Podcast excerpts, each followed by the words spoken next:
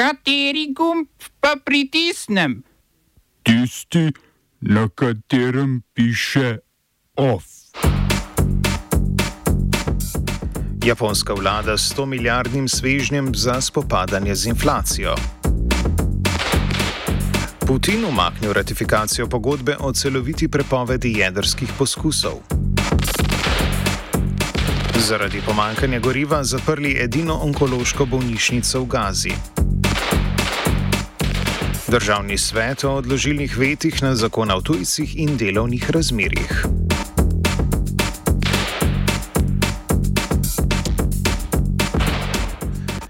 Jo, japonski premijer Fumio Kishida je napovedal paket ukrepov za spopad z inflacijo vreden 106 milijard evrov. Skupaj z državnimi posojili in financiranjem lokalnih vlad je vrednost ukrepov 136 milijard. Po 25 letih deflacije se Japonska letos bori proti inflaciji, ki je januarja dosegla 4,3 odstotka in se od takrat spustila na okoli 3 odstotke, odstotek več od cilja Japonske centralne banke. V okviru paketa bodo zmanjšali davke na dobiček in nepremičnine ter uvedli subvencije za goriva in komunalne storitve. Revna gospodinstva bodo prejela izredne socialne transferje, podjetja pa spodbude za dvig plač. Prejšnji teden je v povezavi s tem Kišida izjavil, da bo vlada pod geslom gospodarstvo, gospodarstvo, gospodarstvo, predvsem drugim dajala prednost gospodarstvu. Medtem se Japonska centralna banka za spopad z inflacijo pripravlja na spremembo monetarne politike zadnjih desetih let. Po njej je ključna obrestna mera znašala največ četrtino odstotka, razen zadnjih mesecev lanskega in prvih mesecev letošnjega leta, ko so jo že dvignili na pol odstotka. Guverner centralne banke Kazuo Ueda jo z začetkom naslednjega leta namerava dodatno dvigniti na največ en odstotek. V centralni banki napovedujejo, da bodo obrestno mero najverjetneje dvignili spomladi, ko bodo znani rezultati pogajanj o plačah.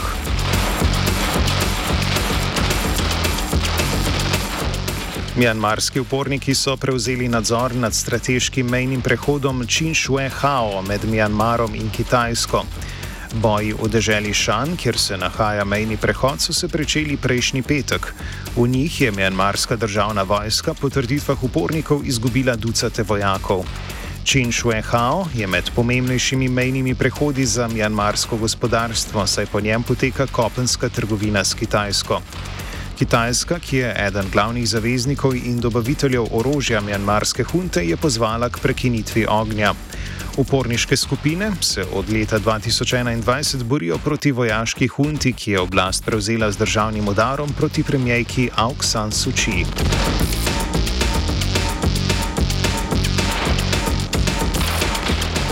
Ruski predsednik Vladimir Putin je podpisal zakon o umiku ruske ratifikacije pogodbe o celoviti prepovedi jedrskih poskusov. Zakon so predtem sprejeli v Dumi. Namen poteze je izenačenje z Združenimi državami Amerike, ki pogodbe iz leta 1996 nikoli niso ratificirale, le podpisale. Vodja komiteja za zunanje zadeve v Dumi, Leonid Sludski, je obljubil, da se bo Rusija kljub umiku ratifikacije odločb iz sporazuma še vedno držala. Združene države so nad potezo seveda ogorčene. Z umikom ratifikacije je edini jedrski sporazum med Združenimi državami in Rusijo, ki še velja, New Start, sklenjen leta 2010. Letošnjega februarja je Rusija suspendirala tudi sodelovanje v tem sporazumu, dokler se Združeno kraljestvo in Francija ne pridružita pogovorom o nadzoru nad jedrskim orožjem. V zadnjih šestih letih so Združene države pod vodstvom Donalda Trumpa izstopile iz dveh jedrskih sporazumov med državama. Gre za sporazum o prepovedi jedrskih raket srednjega dosega, še iz časov hladne vojne, in pogodbo o odprtem nebu, podpisano leta 2002.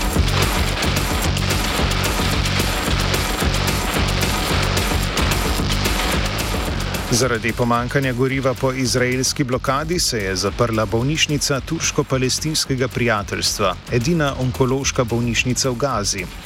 Bolnišnico je leta 2017 zgradila turška vlada, leta 2021 pa je lokalno ministrstvo za zdravje vanjo preselilo vse onkološke storitve, ki so jih upravljali na območju Gaze.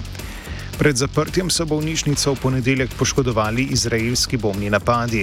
V njej se je zaradi raka zdravilo 70 bolnikov, katerih stanje je zaradi zaprtja kritično.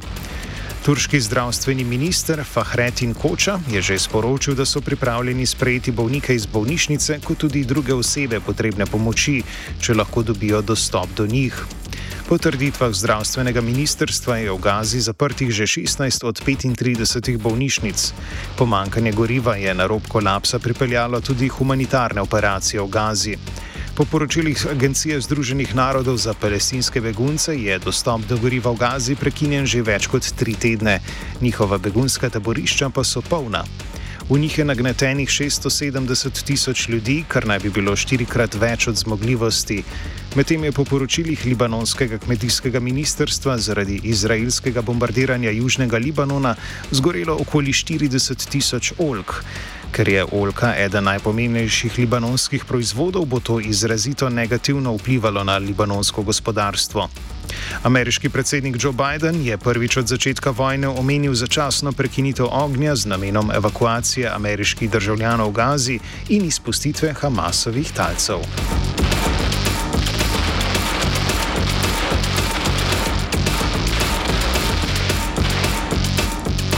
Po obtožbi državne tožilke iz zvezdne države New York, Letiše James, bosta podjetji Uber in Lyft delavcem izplačali 307 milijonov evrov odškodnine. Gre za izvensodno poravnavo po preiskavi podjetniškega sistematičnega goljufanja njihovih voznikov. Po poravnavi bosta podjetji prisiljeni določiti minimalno urno postavko za voznike v zvezdni državi in jim omogočiti plačan bolniški dopust. Vozniki izven mesta New York bodo tako prejeli minimalno urno postavko 24,4 evra, enaka bo tudi urna postavka za bolniški dopust. Vozniki v mestu v skladu z odredbo tamkajšnje komisije za taksije in limuzine že prejemajo minimalno postavko, a bodo zdaj imeli tudi plačen bolniški dopust v višini 16 evrov na uro. Pogoje za izplačilo odškodnine izpolnjuje 100 tisoč voznikov v zvezdni državi New York, skupen znesek poravnave pa znaša manj kot odstotek letnega dobička obeh podjetij.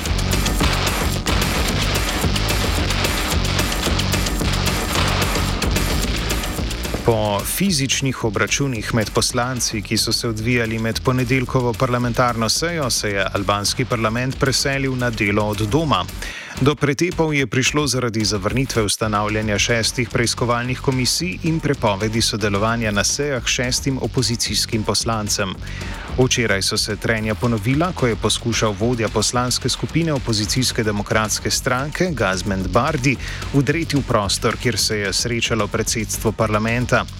Zaradi tega so včerajšnjo sejo ekonomske komisije preselili na splet, opozicijski poslanci pa so izrazili svoje nezadovoljstvo.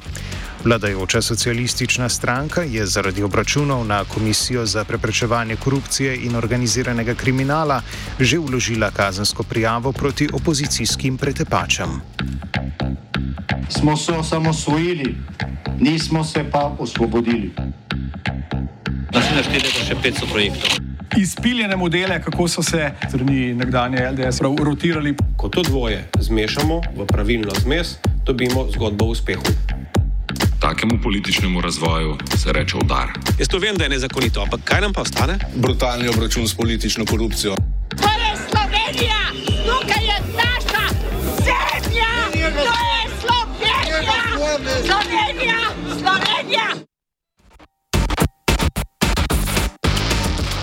Državni svet na izredni seji odloča o predlogu odložilnega veta na novelo zakona o delovnih razmerjih in novelo zakona o tujcih. Predlog veta na zakon o delovnih razmerjih je prišel od interesne skupine delodajalcev, v kateri menijo, da zakon ni bil sprejet v skladu s pravili socialnega dialoga. Po njihovem mnenju nekateri členi novele niso v skladu z ustavo. Predlog veta na zakon o tujcih pa je vložila skupina svetnikov s prvopodpisanim Andrejem Poglajnom iz Slovenske demokratske stranke. Predlagatelji veta menijo, da sprememba pogojev za znanje jezika otežuje integracijo tujcev in so skeptični glede integracije tujcev iz držav izven Evropske unije. Poslanci Nove Slovenije zaradi nakupa 13 tisoč računalnikov, ki ga izvajajo na Ministrstvu za digitalno preobrazbo, zahtevajo sklic seje Komisije Državnega zbora za nadzor javnih financ. Menijo namreč, da ministrstvo glede nakupa ni dovolj transparentno in se bojijo negospodarne porabe sredstev. Državni sekretar na Ministrstvu za digitalno preobrazbo Miroslav Kranc je pojasnil, da z nakupom le uresničujejo, kar jim nalaga zakon. Imamo zakon o spodbujanju digitalne vključenosti od leta 2022. Ta ima v 12. členu navedene prav po alinejah ukrepe, ki jih je treba, ki jih mora država izvajati za to, da spodbuja digitalno vključenost. Eden med njimi je tudi mehanizem za izposojo računalniške opreme. Iz sredstev, ki so bile v letošnjem letu namenjene za te zadeve, smo, porav, smo na podlagi javnega razpisa sklenili pogodbo za dobavo 13 tisoč računalnikov za malj manj kot 6 milijonov in pol. Te računalniki niso še dobavljeni, morajo biti dobavljeni do 20. novembra. Vmes se je zgodila še ena zadeva, ki je nihče ni mogel načrtovati, ne v proračunu, ne kako drugače. To je bilo poplave uh, v mesecu avgustu.